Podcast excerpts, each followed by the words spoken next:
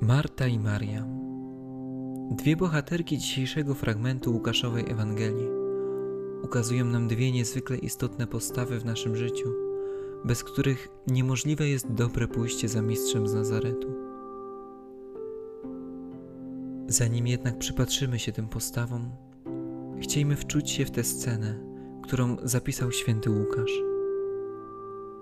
Podejmując refleksję nad dzisiejszą Ewangelią, najczęściej bierzemy w obronę postawę Marty, która co prawda nie słucha do końca tego, czego w jej domu naucza Jezus, ale za to stara się jak najlepiej go podjąć, w przeciwieństwie do Marii, która zasłuchana w Jezusa jest dla nas wzorem kontemplacji. Wbrew pozorom, w czasach Jezusa to właśnie Marta zachowuje się poprawnie.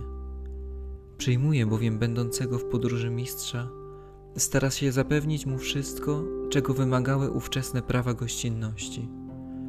Mało tego, postępuje zgodnie z ówczesnymi poglądami, według których kobieta powinna zajmować się tylko sprawami domowymi.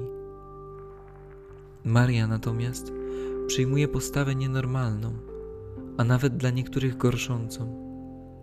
Wcale nie zajmuje się gośćmi, lecz siedzi u stóp Pana i przysłuchuje się temu, czego naucza. Jezus, tłumacząc Marcie postawę Marii, dokonuje czegoś rewolucyjnego. Pokazuje, że wobec Słowa Bożego wszyscy jesteśmy równi.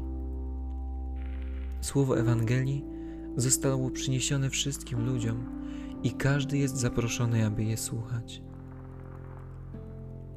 Idąc dalej, niekiedy zastanawiamy się, która postawa, Marty czy Marii, jest postawą dobrego chrześcijanina.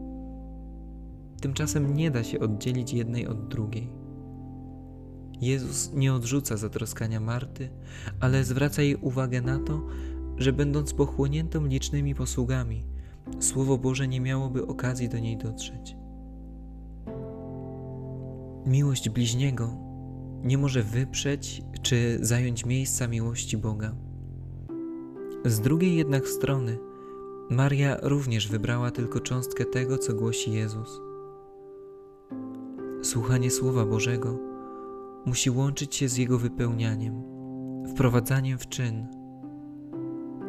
Ta relacja pomiędzy miłością kontemplacyjną a czynną została genialnie wyrażona w benedyktyńskiej zasadzie módl się i pracuj. Dzisiejsza Ewangelia zaprasza mnie do podjęcia refleksji nad moim stosunkiem do Słowa Bożego. Czy nie uciekam od słuchania Jezusa? Na rzecz nawet najszlachetniejszych dzieł wobec bliźnich?